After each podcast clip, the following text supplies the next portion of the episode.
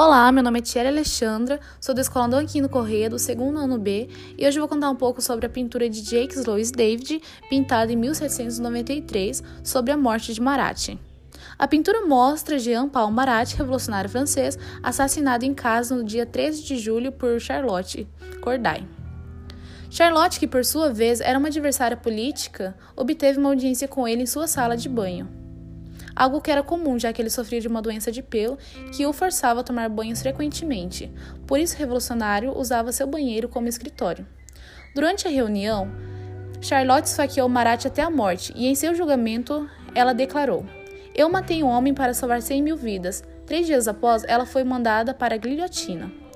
Jacques Louis David foi convidado pela convenção a pintar o memorial de Marat ele era uma boa escolha, porque compartilhava dos mesmos ideais revolucionários e tinha um estilo neoclássico, rigoroso. Depois da Revolução, quando, quando o quadro se tornou constrangedor para o novo regime, em 1795 foi devolvido a David. Sua reputação só foi restaurada com o poeta e crítico de arte Charles, que sobre ela comentou o seguinte: Esta obra contém algo ao muito pulguante e termo. Uma alma alça voo no ar frio do aposento.